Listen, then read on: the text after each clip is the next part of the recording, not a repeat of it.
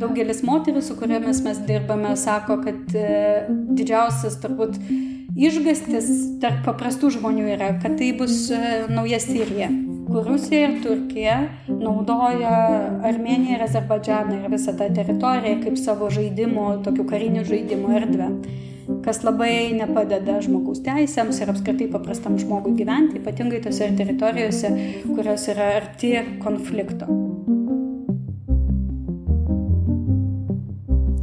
Sveiki, čia Karolis iš Naro podcast'o.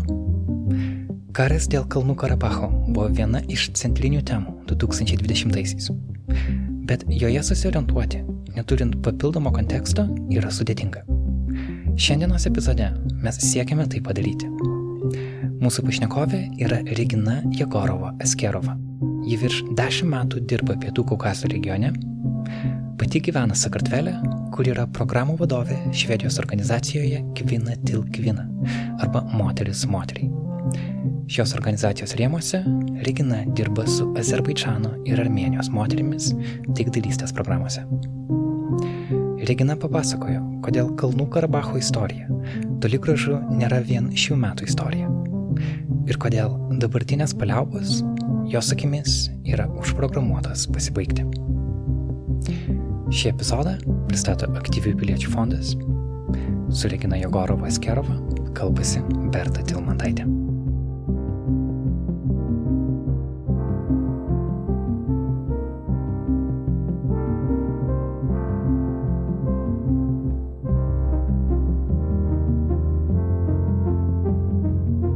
Labas, Regina. Labas, Berta, labas. Kaip laikaisi? Gerai laikausi prieš naujuosius metus vis kažkaip įsivertinę, tai tikiuosi kiti metai bus paprastesni ir labiau taikus. Mm. Šiandien mes susiskambinom pakalbėti apie Kalnų Karabachą, apie konfliktą, apie jo istorinį kontekstą, apie tai, kas dabar vyksta ir apie galimas to pasiekmes, galimus scenarius. Mm, tai pradėti norėčiau nuo to, kad tu trumpai papasakotum apie tai, mm, ką tu veiki ir kaip tu esi susijusi, e, kuo tau šitas konfliktas yra artimas, svarbus, kad, kad įeitume į tą kontekstą ir suprastume tavo santykių su juo. Gerai, tai mm, aš gyvenu pastaruosius dešimt metų Gruzijoje.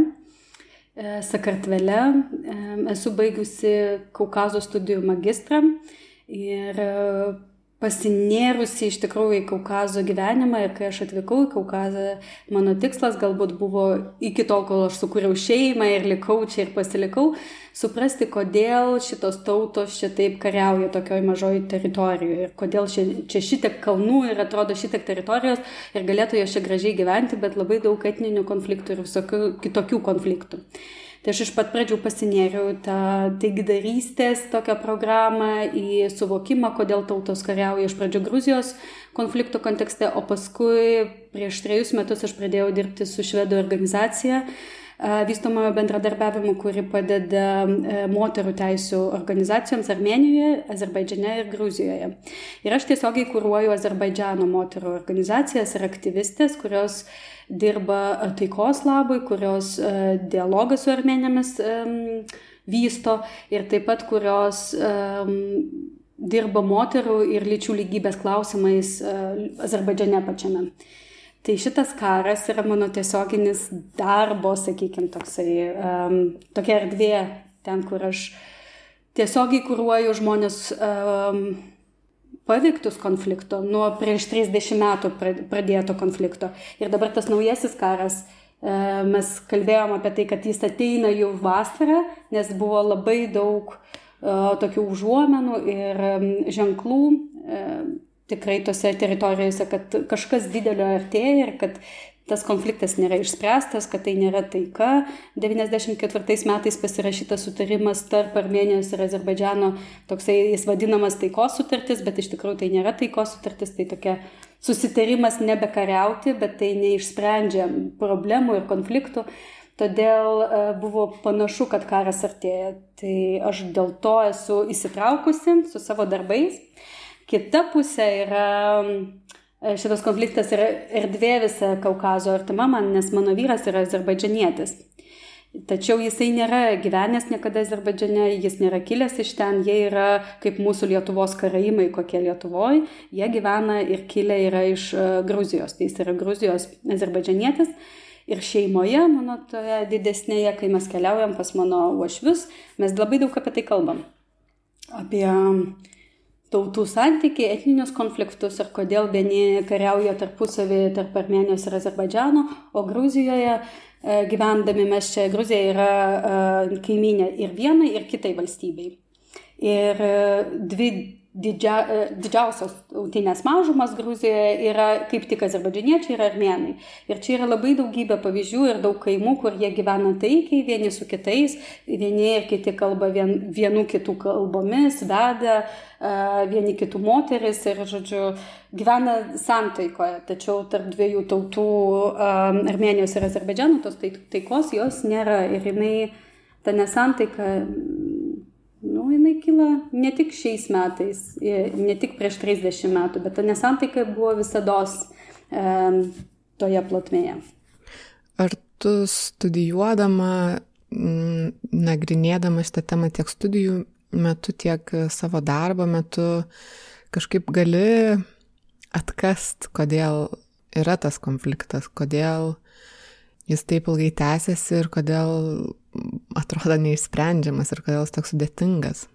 Kaukazo konfliktai apskritai yra labai sudėtingi dėl to, kad jie yra dažnai dėl teritorijų.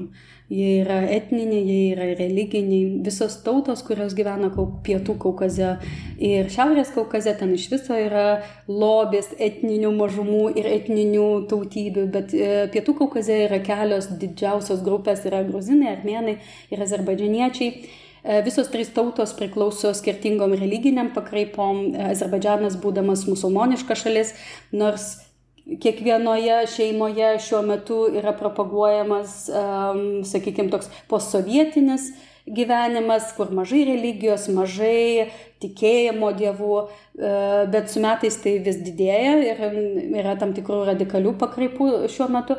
Tačiau iš amžių tai buvo musulmoniška šalis, išpažįstanti islamą.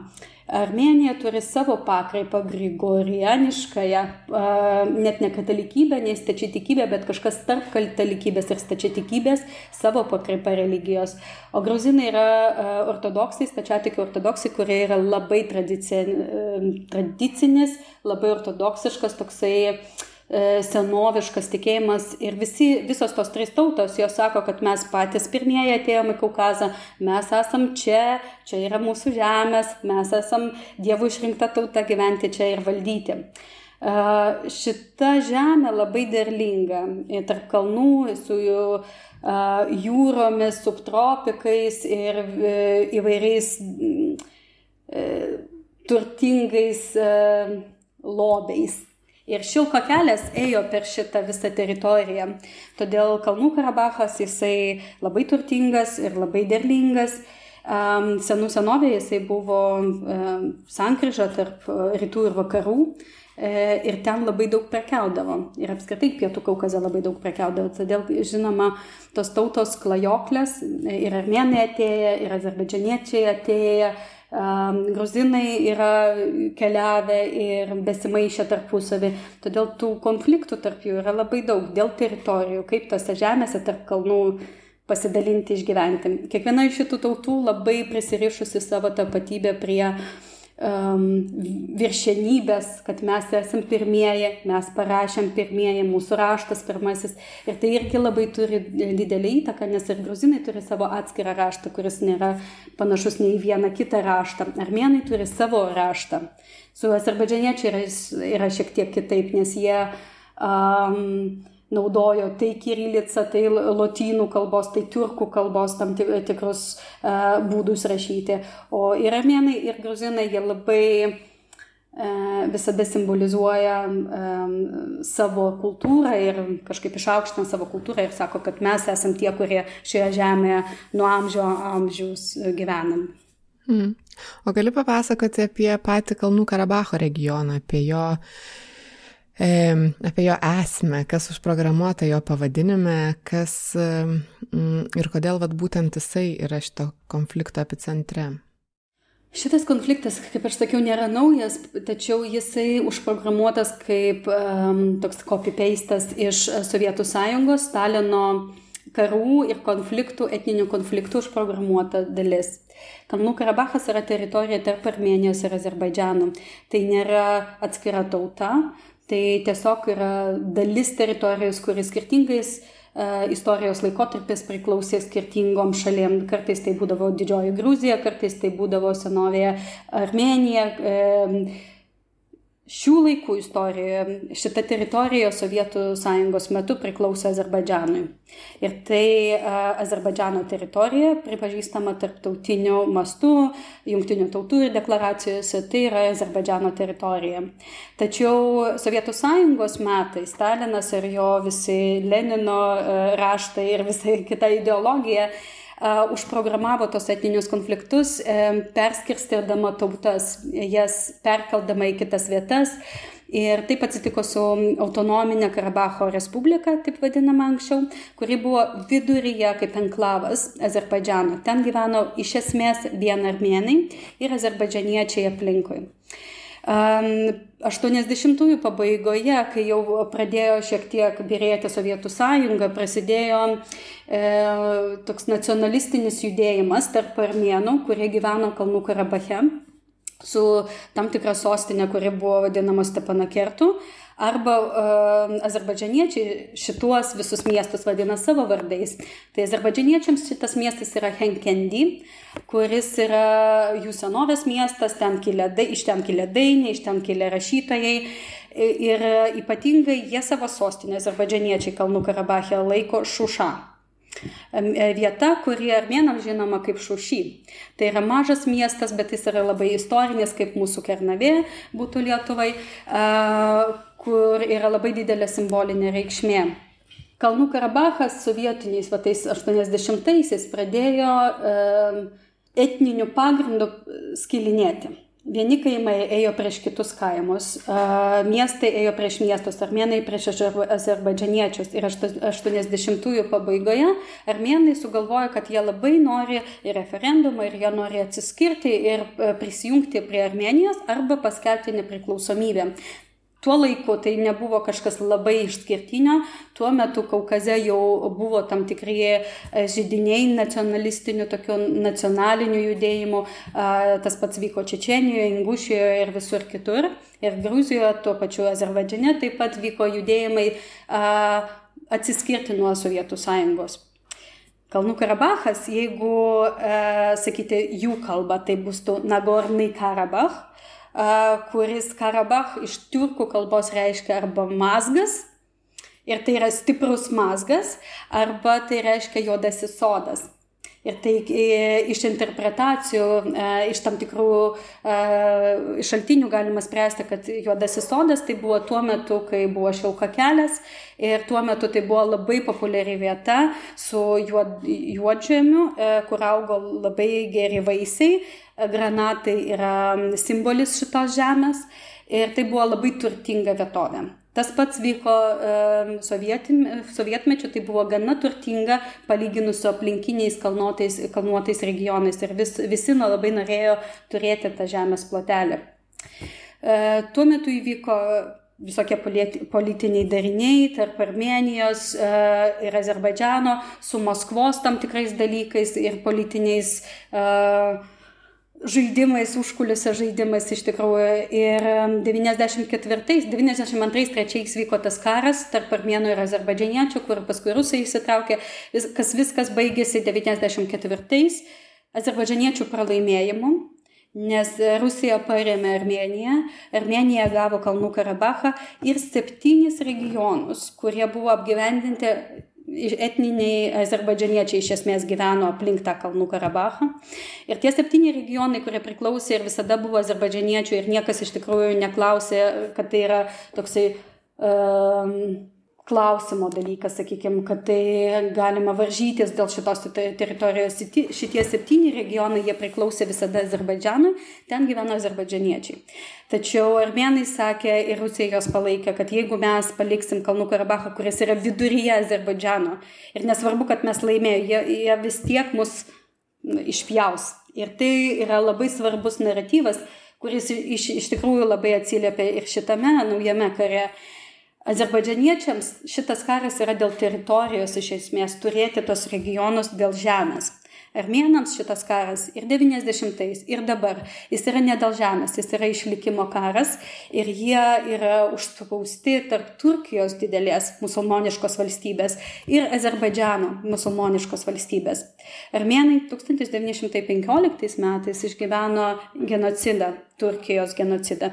Tada buvo išpjauta ir nužudyta beveik pusė armėnų didžioji dalis emigravo ir dėl to šiuo metu Armenijoje gyvena apie 2 milijonus gyventojų iš esmės ir tai gana neturtinga valstybė maža, bet jų yra kur kas daugiau emigracijoje. E, armėnų diaspora yra laikoma viena stipriausių ir didžiausių pasaulyje ir įtakingiausių iš tikrųjų. Dėl to šitas karas jiems yra toksai e, naratyvas e, atsiminimas ir ta tapatybinė trauma iš, iš 20-ojo amžiaus pradžios. Ir jiems šitas karas yra panturkizmo ateimas ir e, antrasis genocidas.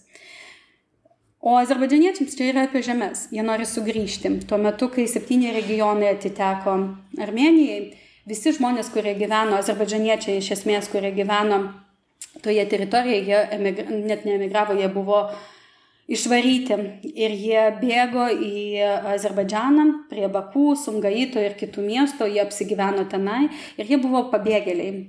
Aš nelabai žinau lietuviškai, kaip šitas terminas vadinasi, internally displaced people. Tai yra nepabėgėliai tie, kurie bėga iš kitą valstybę arba iš kitos valstybės. Pabėgėliai, e, va tie internally displaced people, tai yra viduje, savo šalies viduje, kai dalis šalies yra okupuota, kai tu esi perkeliamas arba tu bėgi iš vienos teritorijos į kitą. Tai skirtingais duomenimis, ir čia yra labai didelė problema šitų valstybių, kad nėra normalios statistikos, iš tikrųjų tu neturi skaičių, kuriais tu galėtum tikėti normaliai, bet tarp e, skirtingų tų skaičiavimų yra manoma, kad apie pusę milijono, nuo pusės milijono iki 800 tūkstančių azerbaidžianiečių 90-aisiais tada pradžioj tapo pabėgėliais savo šalyje. E, daugelis jų taip ir neintegravosi į gyvenimą, daugelis jų vis dar gyvena tokiuose kolektyvinėse miesteliuose pabėgėliams, kurie yra vidury nieko, ten nėra ligoninių, ten nėra normalių mokyklų, valstybė pastato vidury teritorijos, kalnuotos teritorijos arba nelabai derlingos teritorijos, atrodo labai normalius, daugiaaukščius, bet jie nėra uh, pripildyti gyvybės, nėra infrastruktūros, nėra kur užsidirbti pinigų ir tada tai yra tokie getai um, kažkur aplinkui uh, sostinė arba kažkur viduryje šalies. Uh, praėjo beveik 30 metų, 27 metai uh, nuo, tos, nuo to laiko ir daugelis žmonių taip ir nepaliko idėją, kad jiems reikia sugrįžti į savo žemę. Ir ta idėja, kai tu bekali, kur tu bekeliautum Azerbaidžiane, tu visada sutiktum tenai žmonių, kurie prarado ką nors tame kare 90-ais arba yra kilę iš, iš Karabacho arba norėtų grįžti į Karabachą. Yra karta e, jaunų vyrų ir moterų, kurie gyvena svajone sugrįžti. Ir tai buvo toksai sprogmuo, kuris buvo užtaisytas visada. Tu žinai, kad ten visada mm, nėra saugu. Ypatingai teritorijose, taip vadinamoje line of contact. Tai yra kontaktinė linija, nes azerbaidžianiečiai negali vadinti pasienio to, kas yra jų šalies viduje. Tai 30 metų Karabachas ir septyni regionai aplinkui tapo tokia vietovė, kur gyveno vien armėnai iš esmės, tam kalnų Karabache, Nagorno Karabache. Ir septyni regionai aplinkui, iš kur pabėgo ar buvo, buvo išsiusti azerbaidžianiečiai, liko neapgyvendinti. Jie, visos tos teritorijos yra kaip miestai vaiduokliai dabar. Ten yra užminuota teritorija. Ir dabar, kai azerbaidžianiečiai pradėjo karą e, rugsėjo pabaigoje, jiems karas buvo atsijimti savo žemę. Pagrindinis taikos dėrybų, iš esmės klausimas visus tuos dešimtmečius buvo apie tai, kaip susigražinti pirmiausia septynės regionus, nes pasaulis tarptautiniu mastu pripažįsta, kad tai yra Azerbaidžiano teritorija ir kad Armenija neturi teisėtis į šitas žemės, bet taip pat pasaulis pripažįsta, kad armėnai ir azerbaidžianiečiai turi teisę gyventi Kalnų Karabache kartu. Ir Armenija nepripažįsta to dalyko ir jie sako, kad mes nesame saugus, mes niekada nesijausime saugus gyvendami kartu su azerbaidžianiečiais ir mums reikalingas saugumo garantas kažkoks, kur, kur, kuris padėtų visą tai sudaryti.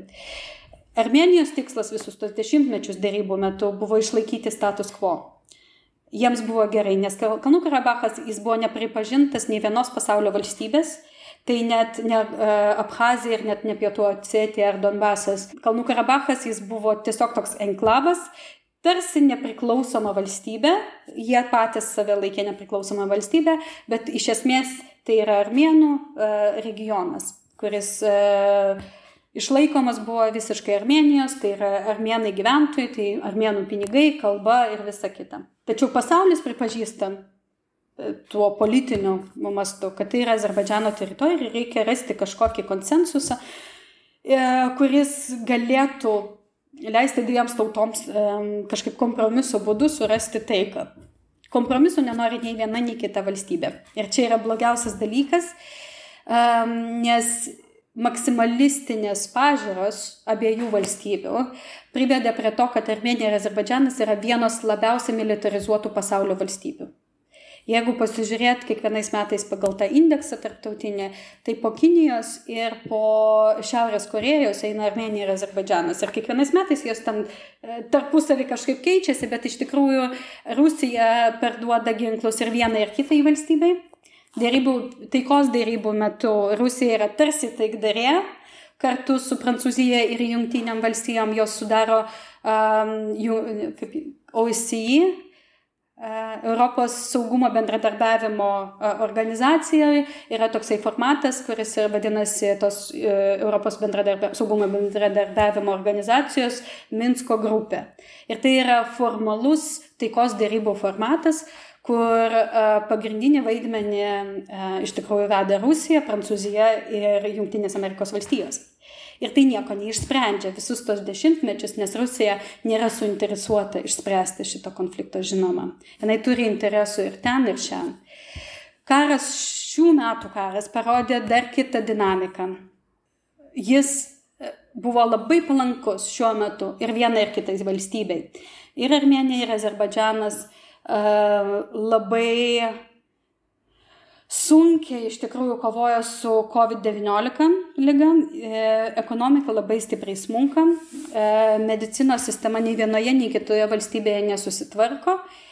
Ir politiškai tai buvo labai palankus metas kovoti, atitraukti dėmesį. Azerbaidžianas pradėjo šitą karą. Tačiau Armenija ir Kalnų Karabachas įsitraukė visą tą karą su visa galva. Ir kitaip jie nematė taikos, azerbaidžianiečiai, jie ne kitaip nematė, kaip išspręsti, kaip susigražinti savo teritorijas ir kaip artėti prie taikos. Ir tai yra didžiulė problema karo, nes e, už tų politinių žaidimų ir šitų dalykų militaristinių pamirštamas yra žmogaus saugumas ir žmogaus interesai. Labiausiai šitame kare nukentėjo žmonės, kurie gyvena tose teritorijose arba šalia tų teritorijų. Dabar su ta taikos e, sutartimi, kuri buvo parašyta, o net nepasirašyta, o parašyta ir įbraukta Rusijos e, abiems Armenijai ir Azerbaidžianui. Um, moterų organizacijos, su kuriamis mes dirbame ir pilietinės visuomenės aktyvistai, visi jie sako, kad tai nėra taikos sutartis, kad tai vienas popierius, kuris tiesiog atitolina šiek tiek kitą karą. Ir tikrai užprogramuoja kitą karą, nes tai nėra konsensusų susitarta sutartis, kuri būtų mm, priimtina abiems visuomenėms. Nei armenams, nei azerbaidžianiečiams šita sutartis yra labai neaiški. E, šita sutartis nepasako nei Kalnų Karabacho statuso, nusako, e, kokie pasai bus toje teritorijoje, kokia kalba bus toje teritorijoje. Abi šalės vėl mato šitą teritoriją kaip savo įtakos zoną ir kaip savo teritoriją. Azerbaidžianiečiai savo propagandoje sako, kad tai yra mūsų, mes laimėjom karą, visi švenčia uh, laimėjimą, visi yra labai entuziastingi iš tikrųjų ir tai Bakų ir visose kitose regionuose, tai yra nacionalinė šventė, euforija visiška, mes atgavome savo žemės. Armenija tai yra visiška depresija šiuo metu, nes jie pralaimėjo karą Ir blogiausia yra, kad jie dabar turi labai didelę, politinę, didelę labai politinę krizę, kuri gali iš, iš tikrųjų pasigalemšti laimėjimus um, revoliucijos 2018 metais demokratinė revoliucija įvyko Armenijoje ir oligarchinis režimas buvo nustumtas. Dabar tie visi oligarchai iš tikrųjų remiami Rusijos E, labai kritikuoja e, demokratinę valdžią, premjerministrą Pašinėną, kuris iš tikrųjų nebeturi vilties likti valdžioje. Tai yra laiko klausimas, kada jis bus pašalintas ir tada yra labai e, dar gilesnė duobė Armenijai iš tikrųjų, kur pilietinė visuomenė mato dar didesnę depresinę būklę, nes tai yra ne tik karo pralaimėjimas, bet ir pralaimėjimas tų, tų laimėjimų revoliucijos, kur jie visi labai palaikė, nes tai buvo žmogaus teisų, demokratinio e, tokio susitaikymo su vakarais galbūt kelias ir labai daug gerų reformų buvo pradėta, kurios dabar labai sustoja. Dėl karo, dėl COVID ir dėl e, politinės krizės, kurie šiuo metu yra. Problema dar yra tame, kad iš tikrųjų ta taikos sudartis, jinai neišsprendžia absoliučiai nieko žmogaus saugumo prasme. Ir žmonės, kurie ten gyvena, e, ypatingai azerbaidžianiečių pabėgėliai, o jų yra tūkstančiai, kurie nori dabar grįžti į savo tos namus prieš 30 metų um, prarastus, bet nėra kur grįžti, viskas yra negyvenama, apleista ir užminuota. Uh, jų organizacijų, išminavimo organizacijų e, skaičiavimas užtruks dešimtmečius iš tikrųjų išminuoti viską ir e, pastatyti infrastruktūrą normalią, kad tai būtų galima ne tik kelius pratiesti, bet gyvenvietės pastatyti, kad žmonės turėtų mokyklas, valgyklas, galų gale medicinos įstaigas. Ir kai kurie žmonės supranta dabar tarsi ypatingai Azerbaidžiane atsiranda ta tokia gal labiau besidominti ir kritinio mąstymo turinti visuomenės dalis, kuri pradeda klausinėti, o kokia kaina viso to, kodėl mes turime, kodėl karas šitiek pareikalauja ir kokią kainą mes dabar atstatinėsime tą Kalnų Karabachą ir galų gale, kas ten norės grįžti, jeigu ten nieko nėra e, šiuo metu. O kas visgi numatyta toj sutartyje? Ta sutartis yra devinių punktų um, ir jinai labai aptaki. Jinai iš esmės žmogaus uh, valstybių ir žmogaus teisų prasme ir žmogaus saugumo prasme jinai nieko nenustato. Jinai nenustato, kaip um, pabėgėlių bendruomenės tos iš Azerbaidžiano, bet tos irgi naujosios bendruomenės, kurios emigravo arba kurios buvo išvarytos karo metu ir bėgo iš to Kalnų Karabacho armėnų, kurių yra dabar apie šimtas tūkstančių žmonių šio karo metu pasitraukus iš Kalnų Karabacho ir kažkaip nusėdusio aplink Jerevaną. Tai ten nieko nėra pasakoma apie jų um, gerbuvį, apie jų sugrįžimą ir apie jų saugumo garantus. Ta sutartis tik pasako didelius politinius dalykus, kurie labai keičia situaciją regione iš esmės, nes dabar karas ne tik yra um, tarp Armenijos ir, ir Azerbaidžiano, bet Rusija ir Turkija, kuri buvo labai didelė žaidėja šitame kare, jinai yra įsitraukusi. Šita sutartis sako, kad uh, rusų taikdariai penkeriems metams yra atvesdinami ar paskiriami Kalnų Karabache, e, toj teritorijai, kuri yra buvusioje Sovietų Kalnų Karabacho Respublikoje autonominėje. Tai yra labai maža teritorija. Iš esmės ten normaliu metu gyvena apie 120-200 e, tūkstančių gyventojų maksimum visoje toj teritorijoje. Septyni regionai aplinkui, kurie buvo saugumo garantas arba ta negyvenama teritorija, e, grįžta Azerbaidžianui. Ta sutartis sako, kad visi stoja ten, ant tų pozicijų, ant kurių buvo e, lapkričio 9-10 dienai, kai ta sutartis buvo parašyta. Tai reiškia, kad Azerbaidžianas iš esmės atsikovojo viską, ką norėjo atsikovoti ir savo tą simbolinį Šušos miestą, kuris buvo istorinis, kuris um, jiems labai daug reiškia e, istorinė prasme. Simbo, simbolis Kalnų Karabacho, iš esmės Šušos miestas, e, grįžta Azerbaidžianui.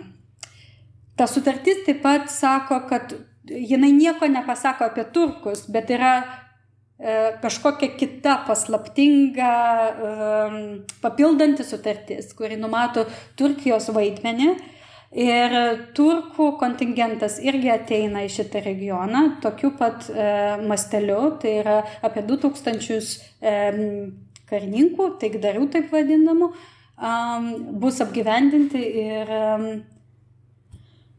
ir jie ateina iš Azerbaidžiano pusės. Jie turės monitoringo stebėjimo centrą, kur kartu su rusų taikdariais palaikys tvarką. Kaip tai veiks, niekas nelabai supranta. E, nėra kalbama apie praktinius dalykus šitoje sutartyje, kas labiausiai iš, iš tikrųjų gazdina ir šita sutartis nėra susitarimo tarp dviejų valstybių reikalas. Tai yra prineš, atnešta Rusijos um, parengta sutartis, kuri tiesiog įgalina Rusiją būti regione ir statyti karinės bazės. Kas pavyzdžiui Gruzijai reiškia, kad jinai dabar turi karinės bazės Abhazijoje, Pietų Osetijoje ir dabar Kalnų Karabache. Ir e, daugelis moterų, su kuriamis mes dirbame, sako, kad e, didžiausias turbūt išgastis tarp paprastų žmonių yra, kad tai bus e, nauja Sirija. Ir jie jaučia ir mato, kad yra labai daug um, kalbos detalių, labai panašių į Sirijos modelį, kur Rusija ir Turkija naudoja Armeniją ir Azerbaidžaną ir visą tą teritoriją kaip savo žaidimo, tokių karinių žaidimų erdvę, kas labai nepadeda žmogaus teisėms ir apskritai paprastam žmogui gyventi, ypatingai tose teritorijose, kurios yra arti konflikto. Ten nėra normalaus vandens, ten nėra normalios elektros, žmonės nežino dienomis, ar jie grįž, pavyzdžiui, net normaliu metu iki šito paskutinio karo, žmonės bijojo vesti vaikus į mokyklą, nes ten kiekvieną dieną šaudė. Tu niekada nebuvai saugus, bet karas buvo toks internalizuotas, normalizuotas dalykas gyvenimo, gyvenimo dalis, kur tu tiesiog tu taip elgiesi ir tu nesusimastai, kad tu visada gyveni karo būsenoje. Nesaugumo jausmas ir trauma yra kiekvieno žmogaus iš armėnų ir azerbaidžianiečių pusės. Tu sutinki žmogų ir jis yra um, išgyvenęs karą ir traumuotas, netgi jeigu jis neatsimena. Tai gali būti jaunas žmogus, tai gali būti jauna mergina, kuri net nematė karo ir nieko uh, jos šeimoje ne, nebuvo prarasta, tačiau karas jis tiesiog ateina su tapatybės dalimi. Ir tai yra baisiausias ir blogiausias dalykas, ką šitas karas parodė. Um, jeigu žiūrint į 90-uosius, ten nebuvo interneto, nebuvo informacijos karo tiek daug. Žmonės nežinojo, kas vyksta. Šitas karas buvo visiškai kitoks. Jisai nepykantos karas, propagandos karas, jis toksai labai hybridinis karas. Vienas karas buvo laukia, iš tikrųjų ten teritorijoje su tankais ir dronais. Kitas karas vyko tarp žmonių socialinėse medijose ir Azerbaidžianas uždraudė internetą, uždarė, užblokavo visus interneto, visas interneto prieigas, bet žmonės naudojo VPN'us tam, kad gautų informaciją, bet tam, e, kad atsakytų į armėnų kažkokius komentarus. Ir tai atrodė, būnant Gruzijoje, kad šitas karas yra, abi tautos yra skirtingose paralelinėse kažkokiose visatose, nes vieni kariauja apie teritoriją ir grįžimą namo, kiti kariauja apie išlikimą ir genocidą ir apie Turkijos vaidmenį tame kare. O tai kokie yra Rusijos ir Turkijos interesai, e, ko jie siekia naudodamiesi Armeniją ir Azerbaidžianą? Įtakos zona. Tai yra labai didelis, e, šita teritorija yra labai svarbi e, transporto koridoriaus prasme. Šiuo metu, nors Rusija ir Gruzija yra karo būsenoje ir neturi diplomatinių santykių, tačiau yra transporto tranzito koridorius einantis iš Rusijos per Gruziją į Turkiją. Šiuo metu yra kalbama, kad um, Azerbaidžianas gavęs su Rusijos pagalba taip pat galimybę uh, transportuoti dalykus per Armenijos teritoriją tiesiogiai į Turkiją, sutrumpina tranzito kelią ir yra netok, nereikia tiek daug apskaitos ir tai yra pigiau. Tai yra naudingiau visiems tautoms, tai yra pigiau ir yra, nėra e, stebėjimo įvairių misijų. Tai, kas keliauja per Gruziją, o Gruzija turi ES asociacijos sutartį, pagal ją įsipareigoja turėti atskaitomybės standartus, turėti tam tikrus stebėjimo modelius, kad tai eitų su mokesčių mokėjimu ir panašiai, viskas vyktų elektroniniu būdu ir atskaitomybė būtų skaidri.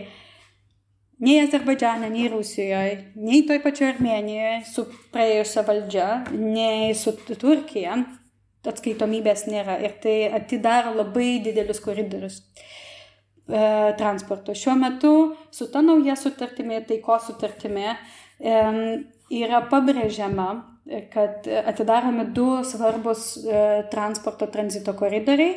Tai yra Lačino koridorius, e, koridorius, kuris sujungia Armeniją su Kalnų Karabachu. Ir ten patruliuos rusų taikdariai, taip vadinami. Ir tada yra Načhičiavanės koridorius, kuris yra, nes sovietų metu nebuvo tik Kalnų Karabachas. Nes uh, Armenijoje, viduryje Armenijos, yra viena teritorija, vienas regionas vadinamas Nachičiavanė ir ten gyvena tik azerbaidžianiečiai. Jie neturi jokio susijungimo su Azerbaidžianu. Tai šitam Azerbaidžiano regionui, jeigu tu nori nuskristi į savo sostinę, patekti į savo sostinę, tu turi skristi vietiniu maršrutu. Ir tai yra Sovietų sąjungos modelis iš tikrųjų. Tas pats vyko su Abhazija, su Pietų Osetija ir su kitom Ingušija ir kitom tautom. Tai yra toksai uh, skaldyk ir valdyk principas.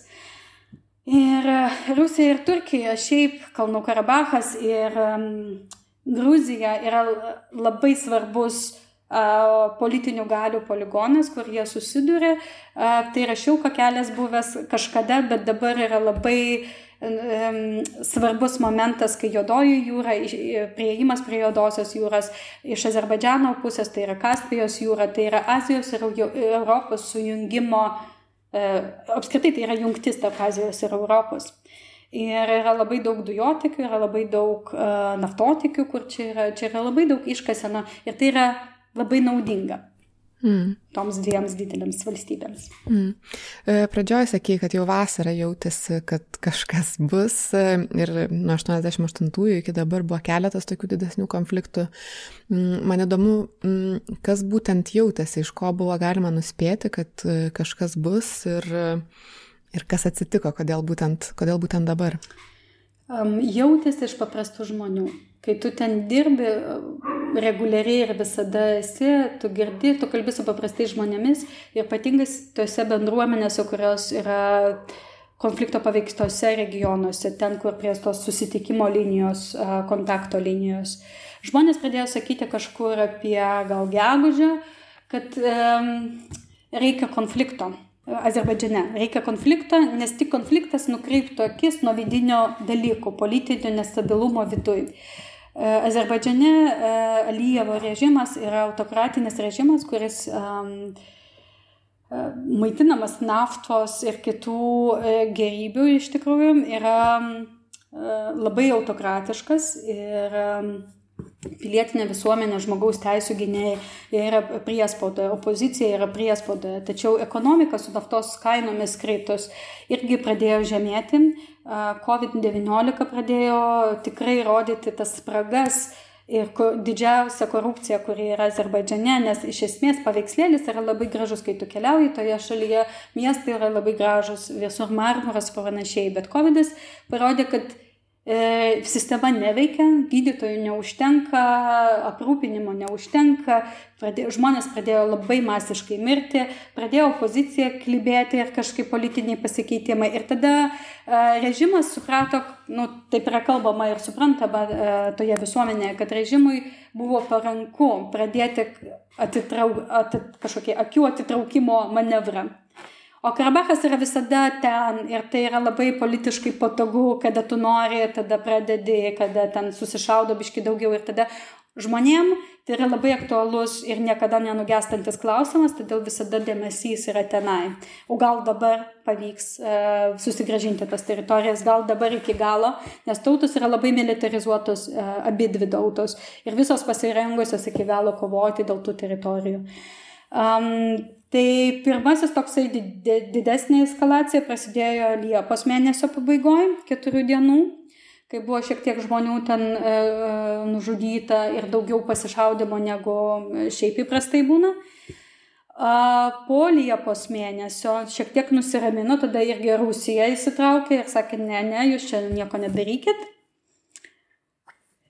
Jau rūpiučio pabaigoje žmonės pradėjo sakyti, kad e, bus didelis karas, nes pasienyje, nu net ne pasienyje, o toj uh, palei liniją su uh, kontakto linija tarp dviejų valstybių žmonės pradėjo kasti apkasus. Yra labai daug karinės technikos į regioną privežama, kai kurie žmonės evakuojami iš tam tikrų kaimų, kurie yra strateginiai kaimai kalnuose. Ir tai reiškia, kad žmonės tikrai ruošia kažkokiam dideliam karui. Ir žmonės buvo patenkinti iš, iš esmės. Tai buvo toksai tautos poreikis turėti tą susigražinimo karą. Iš Armenijos pusės žmonės irgi gyvendami Kalnų Karabachė sakė, kad uh, yra kviečiami jauni berniukai, 18-19 e, metų, visi net kurie netarnavo dar, kurie ten universitetuose ar kažkur, užsiregistruoti ir būti pasiruošus visuotiniai mobilizacijai. Žodžiu, kad visi ruošiasi iš esmės tam karui, kada jis prasidės, nes buvo visi ženklai. Ir kai tik rugsėjo pabaigoje prasidėjo karas, visuotinė mobilizacija buvo ir vienoje ir kitoje valstybėje paskelbta. Ir,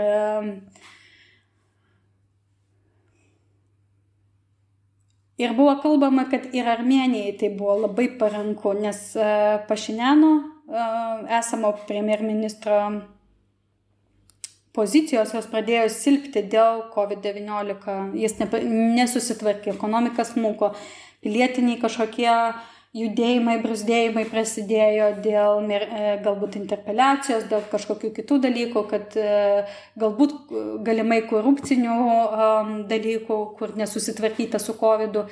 Ir tada atsitiko karas, kuris nukreipė visus, tiesiog visų dėmesį. Mhm. Ir apie tą karą mes tiek užsienio, tiek Lietuvos žiniasklaidoje daugiausia matom mm, iš Armenijos pusės, nes visi žurnalistai, fotožurnalistai, Armenija įsileidžia juos, tuo tarpu Azerbaidžiane viskas uždaryta, internetas išjungtas ar ne.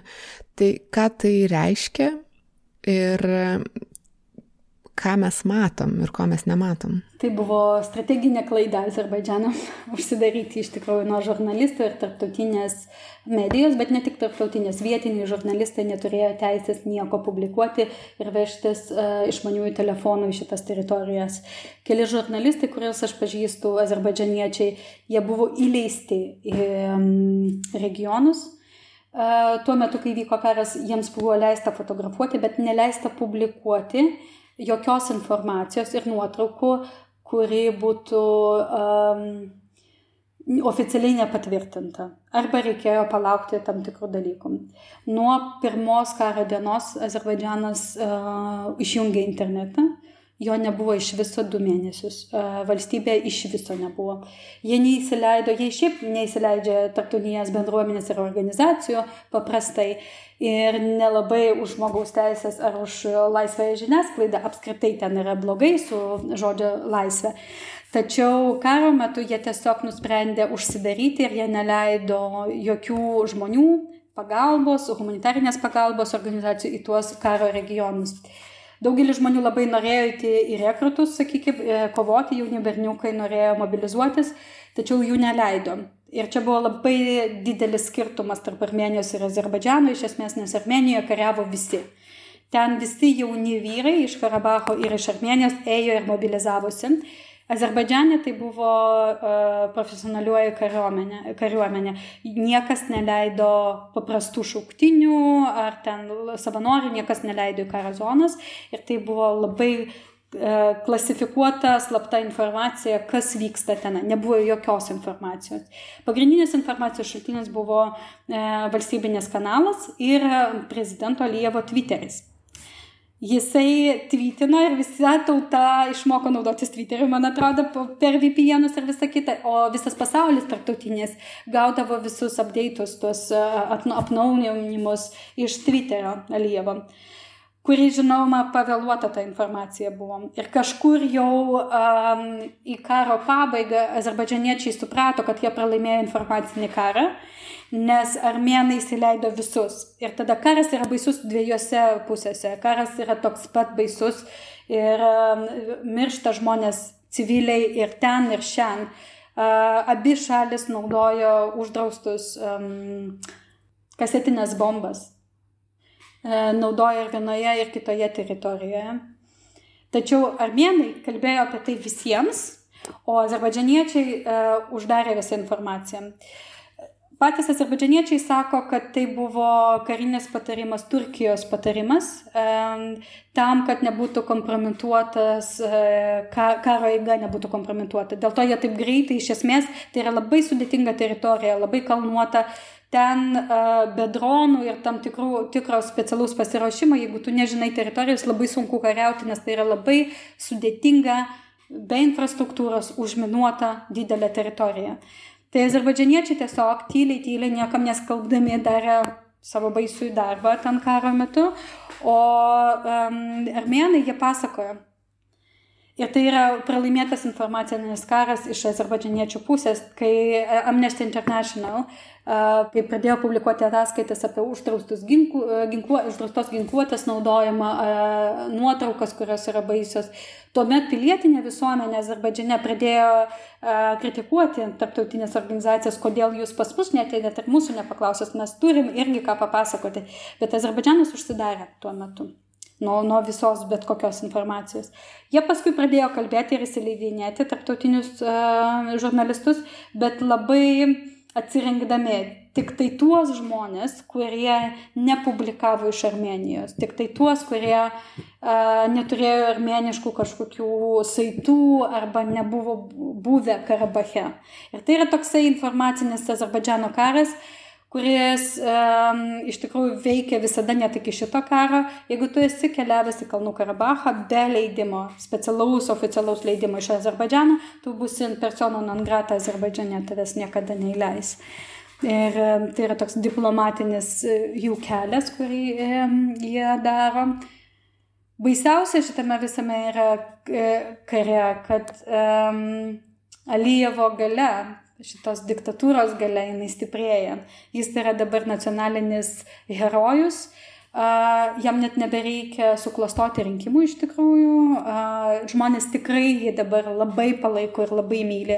Ir jam nesvarbu, ką jis daugiau darys, jis gali blogai elgtis su opozicija, jis gali uždarinėti kalėjimus žurnalistus, jis gali nepalaikyti pilietinės visuomenės ir vėl kažkaip smaukti juos per visus e, įstatymus ir, e, žodžiu, neleisti e, laisvai dirbti medijose, neleisti laisvai dirbti pilietinėse organizacijose. Tačiau žmonės vis tiek jį palaikys. Ir va čia yra baisiausia, nes demokratinių jokių svertų, ypatingai ES vaidmuo labai susilpnėjo ir vienoje ir kitoje valstybėje. Armenija prašė ES būti griežtai, būti garsiai, kalbėti ir pasmerkti Azerbaidžianą. ES to nepadarė ir dabar ES vaidmuo Armenijoje yra labai smukęs, prireiks labai daug laiko iš tikrųjų kažkaip atsitiesti ir surasti savo vaidmenį, kažkokį ir pasitikėjimą atgauti Armenijoje. Azerbaidžiane ten ir tai buvo sudėtinga, o dabar bus dar sudėtingiau, nes tada jėgos svertai pasikeitė labai ir apsivertė. Koks šiek tiek užsiminėjo apie Europos Sąjungą ir kodėl vat, nebuvo jos griežtos pozicijos ir apskritai tarptautinės bendruomenės kitų šalių um, įsikišimo į šitą konfliktą ir ar jo reikėtų, ko, ar, ar nėra apskritai dabar dėmesys visų sutelktas į COVID-19 ir pandemiją, e, kokią tai įtaką turi ir, ir galbūt ko va, tavo akimis trūksta iš, iš aplinkos šitoje situacijoje, o, o galbūt netrūksta nieko, galbūt tas ir svarbu, kad, kad valstybės šios tvarkytųsi pačios trūksta iš tikrųjų nepriklausomo saugumo garanto ir stebėtojų nepriklausomo. Nes e, jeigu Abhazijos e, ar Pietų Osetijos klausimų Gruzijoje yra dislokuoti ES stebėtojų misija e, ir yra Europos saugumo organizacijos tam tikrai padaliniai, kurie dirba čia. Ir tu gali stebėti incidentus, tu gali e, dirbti apskritai su kažkokiais incidentais ir jų prevencija. Tai Kalnų Karabacho kontekste nieko tokio nėra. Niekas neveikia. Yra dabar Rusija ir Turkija iš esmės. turkai nėra saugumo garantas armėnams, o rusai nėra saugumo garantas azerbaidžianiečiams. Ir Rusija apskritai niekam nėra saugumo garantas su jų taikdarystė.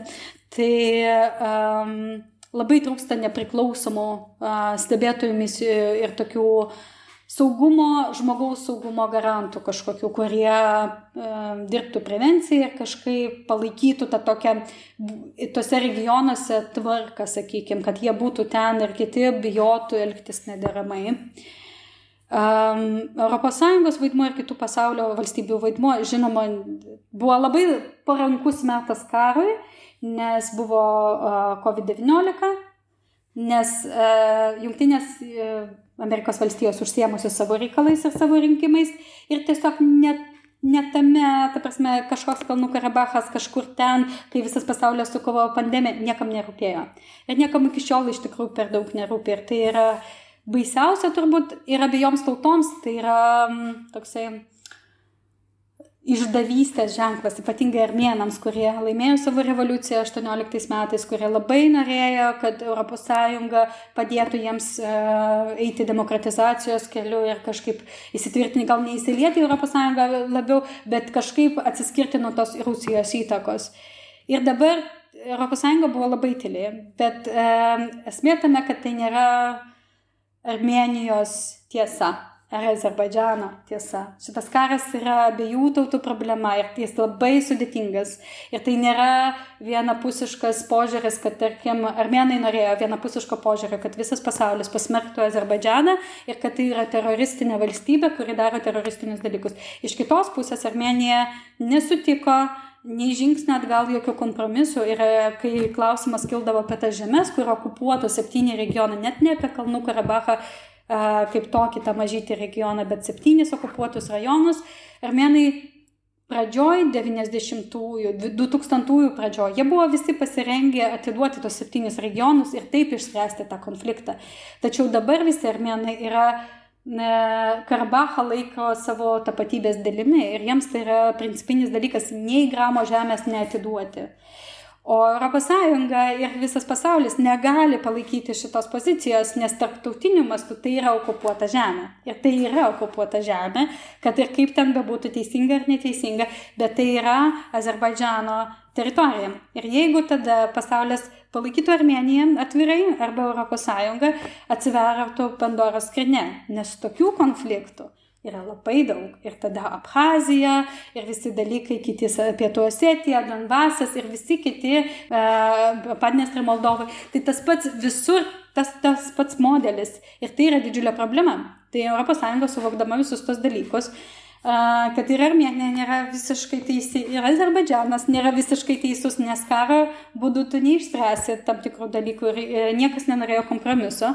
Todėl pasaulis tiesiog pasirinko būti tylus ir palaikyti humanitarinę šito karo pusę duoti daugiau pinigų humanitariniai pagalbai, kažkaip palaikyti pilietinę visuomenę ir savimobilizaciją tam tikrų grupių, kurios uh, susiformavo padėti pabėgėliams, bet politiškai išlikti labai neutraliems. Ir tas neutralumas, jisai um, labai pakenkia ypatingai Armenijos pusėje. Su armenais dabar yra labai sudėtinga dirbti ir kalbėti, nes jiems yra išdavystė, tavo neutralumas yra išdavystė iš esmės. Mm, bet šiuo atveju tikrai labai sunku pasirinkti pusę, nes... Mm. Bet čia yra esmė, kad negalima rinktis pusę šitokiame kare, tai nėra nėra vienos tiesos. Ir šitas karas labai daug rodo, kad tu būtinai turi žinoti istoriją, mhm. kas iš ko kyla ir kodėl kyla ir kad nėra vienos tiesos. Kiekviena tauta turi savo tiesą ir labai yra didelis poreikis tam tokiam tikram normaliam dialogui ir e, kompromiso ieškojimui. Abi tautos nepasirengusios kompromiso ir čia yra didžiausia bėda, kad jie neįsivaizduoja, kaip galima kartu gyventi. Jie neįsivaizduoja jauna karta, ypatingai tie, kurie neatsimena, kaip buvo iki tol, kol atsirado tas karas e, kad jie anksčiau gyveno kartu, prekiavo vieni su kitais ir tuokėsi kartu ir, žodžiu, kartu normaliai taikiai gyveno, tai to naratyvo nebėra. Yra tiesiog, kad tai yra dvi absoliučiai priešingos tokios uh, politizuotos tiesos. Ir jeigu tu klausai tik armėnų, tu pradedi simpatizuoti jiems, nes tai, ta prasme, it makes sense, ką jie kalba. Bet jeigu tu klausai azerbaidžianiečių, tu irgi pradedi um, kažkaip simpatizuoti jiems, nes, nu, ir jie kalba tiesą, nu, tu, net, tu negali išvaryti pusę tautos iš savo žemę ir tada sakyti, kad čia mano žemė. Nu, tai čia irgi tokie dalykai, kur um, labai svarbu išlikti neutraliam, kai tu esi atejūnas, kai tu nesi iš tos tautos dalis. Taip pasielgia Gruzija iš esmės. Gruzija, kuri yra kaiminė ir vienai, ir kitai valstybė, kuri turi ryšius ir su viena, ir kita valstybė, ir prekybos ryšius, ir visokius kitokius.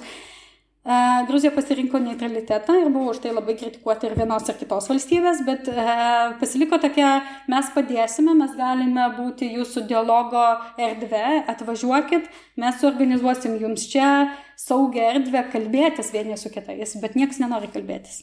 Mm. Ir čia yra kol kas, kol kas kol panašu, kad tikrai. Mm. Ir ką dar minėjai, va, būtent apie humanitarinę aspektą, mm, dabar panašu, kad prasideda tie kraustimai, įsigrįžimai, kelionės vienų ir kitų. Mm, ir pasirodo vis daugiau video labai žiaurių apie tai, kaip azerbaidžianiečiai, pavyzdžiui, perpjauna gerklę armėnam, kurie pasiliko ir neišvyko iš tų kaimų ir kad ta žmogaus teisų ir apskritai to karo nusikaltimų situacija yra labai žiauri. Ką apie tai gali pasakyti gal ir iš savo kaip dirbančios būtent toj srity pusės, kas bus toliau ir kaip atvarkyti su šita situacija? Yra labai svarbu dokumentuoti viskas, kas vyksta.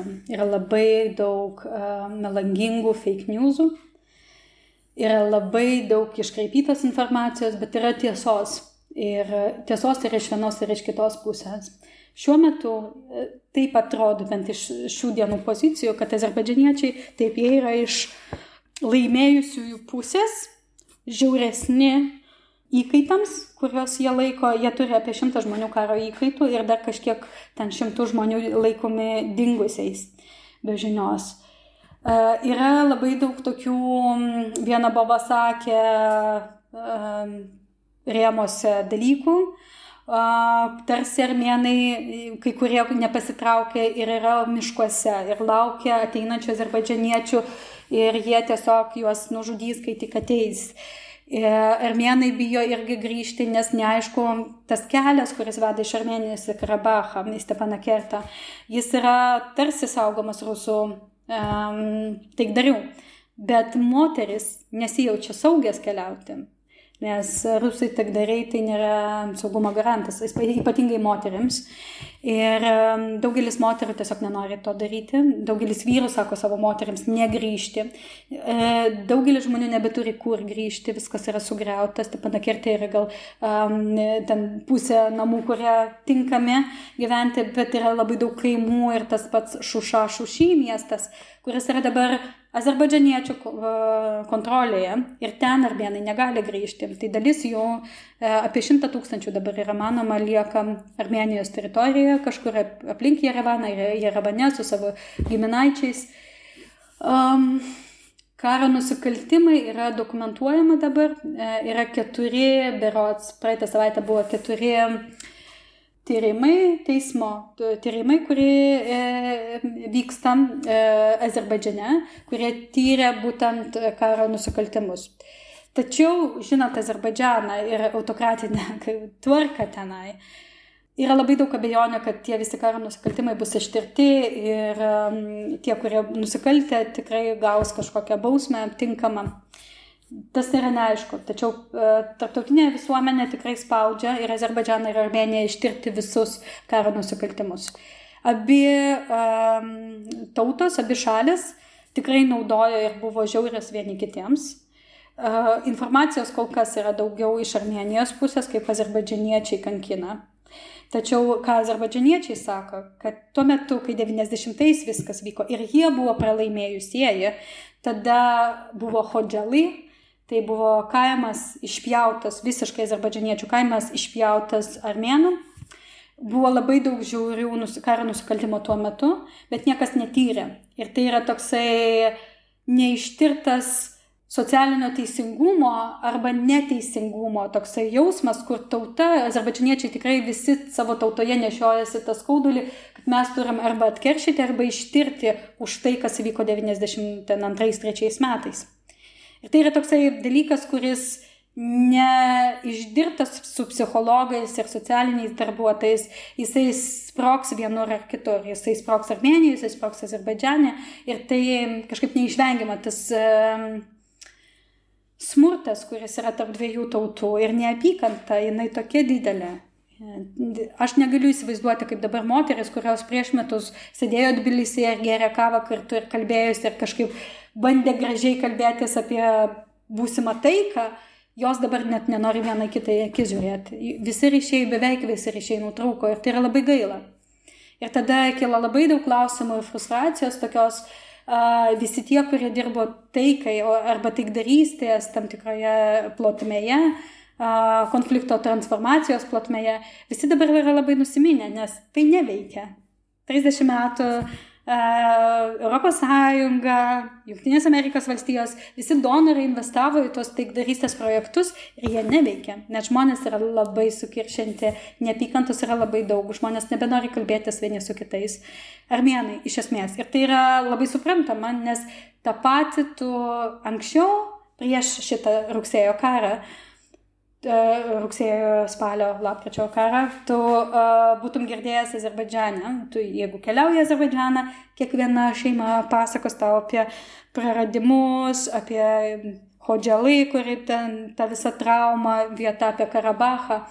Dabar tas pats yra apsivertę, dinamika yra apsivertusi ir armėnai tau pasako apie tai, kaip prarastus namus ir kaip ten buvo gerai ir dabar niekada nebebus taip pat. O azerbaidžianiečiai sako, kad va, mes grįžtam namo ir mes į savo namus ir pas mus liepos auga va tokios, o granatai yra tokie.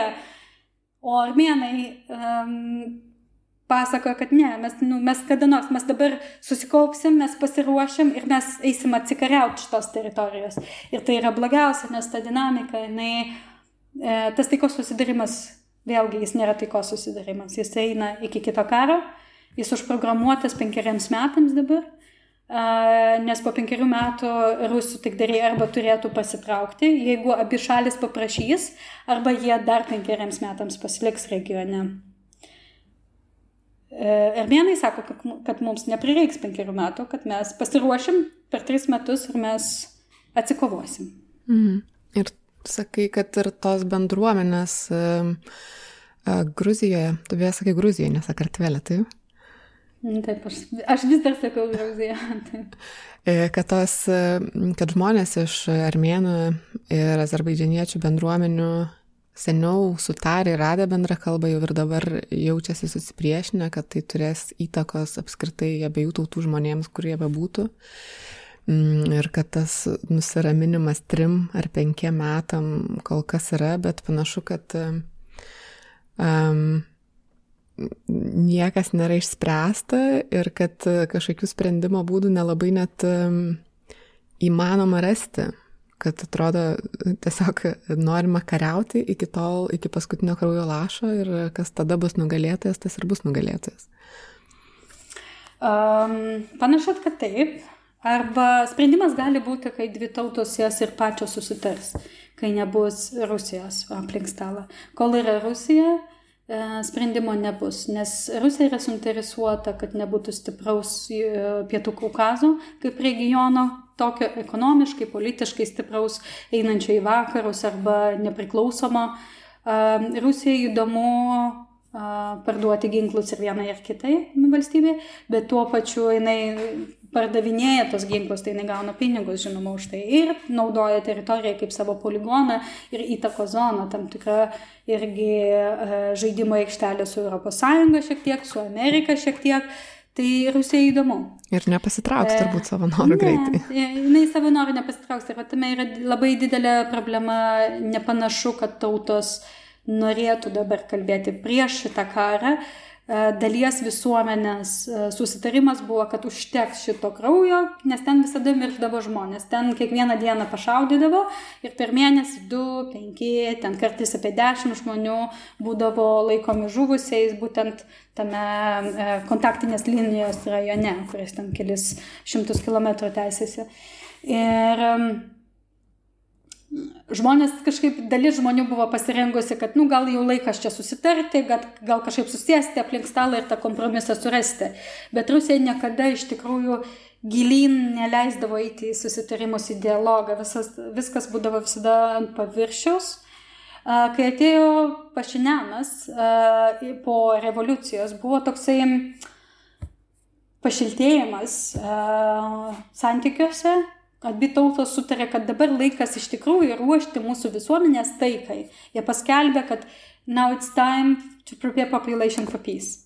Ir tai buvo toks sloganas, kuris buvo visur naudojamas ir taip mes dabar ruošiamės taikai.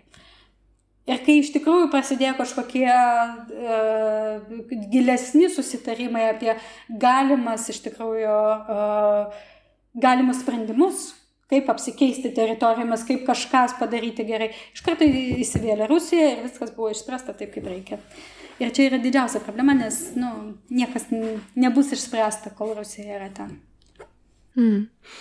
E, minėjai, kad tas pavadinimas viena iš šių reikšmių yra mazgas, stipriai su, suraizgytas mazgas, supintas ir ačiū tau, kad padėjai šiek tiek tą mazgą atpainėti ir suprasti. Ir ką pati sakei, kad norint aiškiau suvokti, kas vyksta ir viso šito regiono ir Kalnų Karabacho, būtent konflikto specifiką, reikia žinoti istoriją ir reikia um, pasigilinti į tuos niuansus ir istorinį kontekstą. Galbūt yra kažkokie šaltiniai, kuriuos tu rekomenduotum sekti, stebėti, žiūrėti, kam šita tema yra įdomi.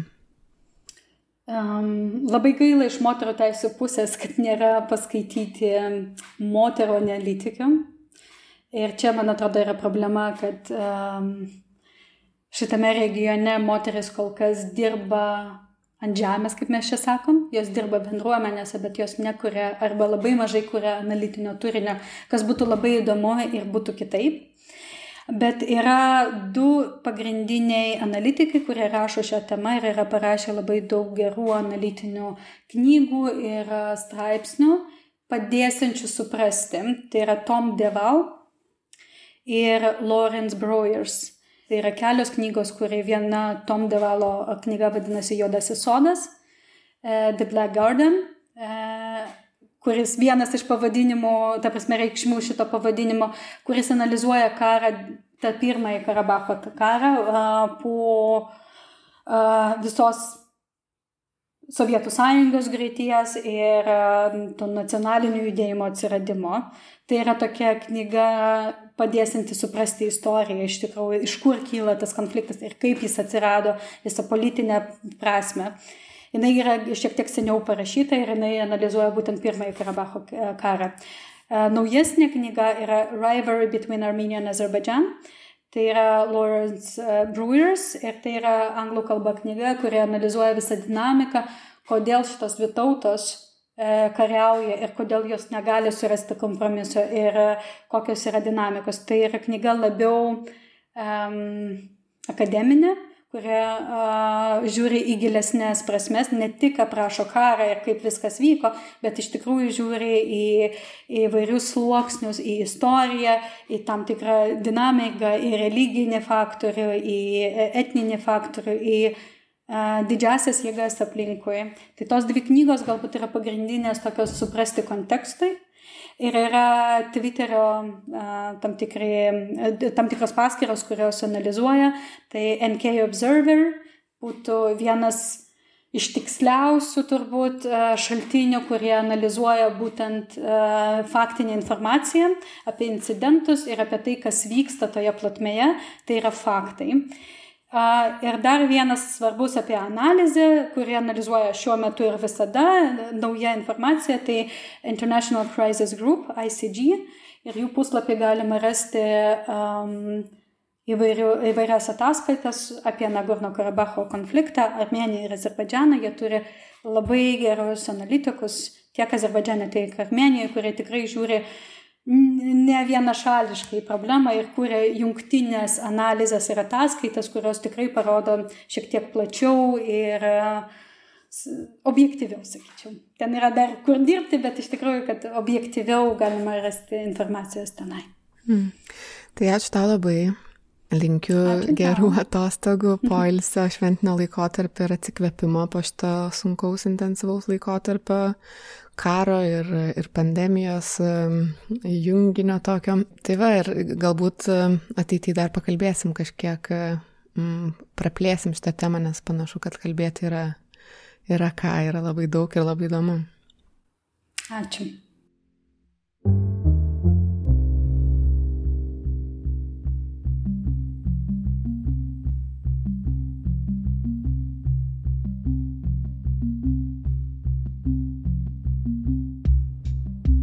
Ačiū, kad buvote kartu.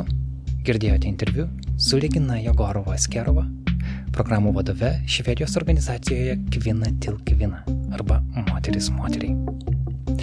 Su ją kalbėjosi Berta Tilmantaitė. Tiklalapyje Nara LT galite rasti išrašytą interviu su Regina ir taip pat ten pamatykite fotografijas iš Azerbaidžano, Armenijos ir Sakartvelo. Kviečiame palaikyti mūsų žurnalistinį darbą adresu patreon.com/narlt. Mūsų 100 eurų per mėnesį patronai yra MailerLite, Blossom Boot Foundation ir Ramūnė Tam. Šį epizodą pristato Aktyvių piliečių fondas. Iki švenčių turime jums dar vieną įrašą, jo pasidalinsime jau toj pat. Likit sveiki ir saugokit vieni kitus. Iki.